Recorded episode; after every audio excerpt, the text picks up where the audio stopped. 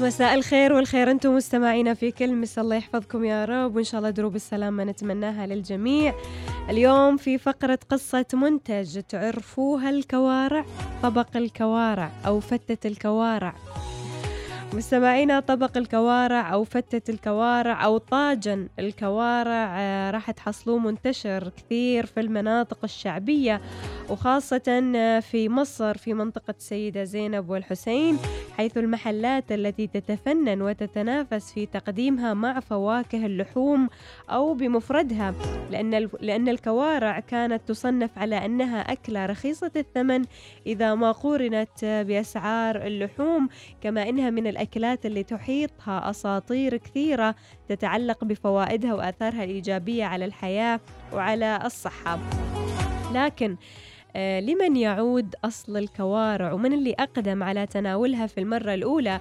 طبعا هناك روايتين مستمعين عن الكوارع والرواية العثمانية تقول آه، وهي الرواية الأولى عن أصل الكوارع تقول إنها أكلة تركية الأصل وكانت تعرف بأنها أكلة السلطان حيث أنها كانت حاضرة على موائد السلاطين العثمانيين وكانت تدعى في ذلك الوقت بالأكارع.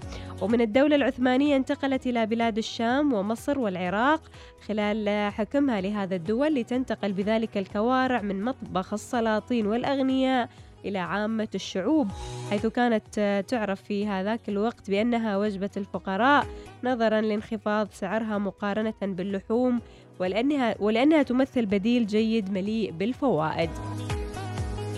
أما الرواية الثانية مستمعين اللي هي رواية الفراعنة تقول آه، عن تاريخ الكوارع تقول أن أصلها يعود إلى القدماء المصريين وتحديدا إلى الفرعون سخمخت اللي ينتمي للأسرة الثالثة وكان المصريون لا يأكلون أرجل الحيوانات باعتبارها شيئا مقززا وغير جدير بالاهتمام ألا أن الملك سخم كان يحب أن يجرب الأكلات الجديدة فطلب من طباخ أن يخترع له أكلة جديدة فقام الطباخ بتنظيف أرجل العجل وقطعها وأخرج منه العظم ثم طهاها جيدا.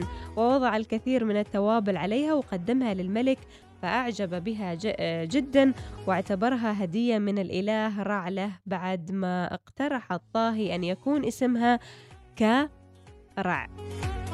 فكلمة كاف في اللغة المصرية مستمعين القديمة تعني الروح ورع. في هو اسم إله الشمس وبذلك أصبح يطلق على أرجل الحيوانات اسم كارع.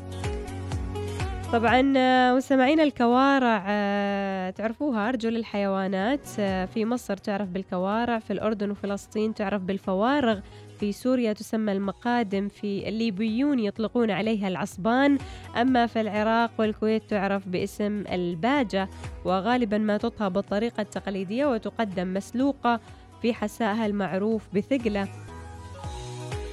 هذا عن طاجن الكوارع. كليتوه من قبل؟ حد فيكم جربه حد فيكم طبخه يوم من الأيام.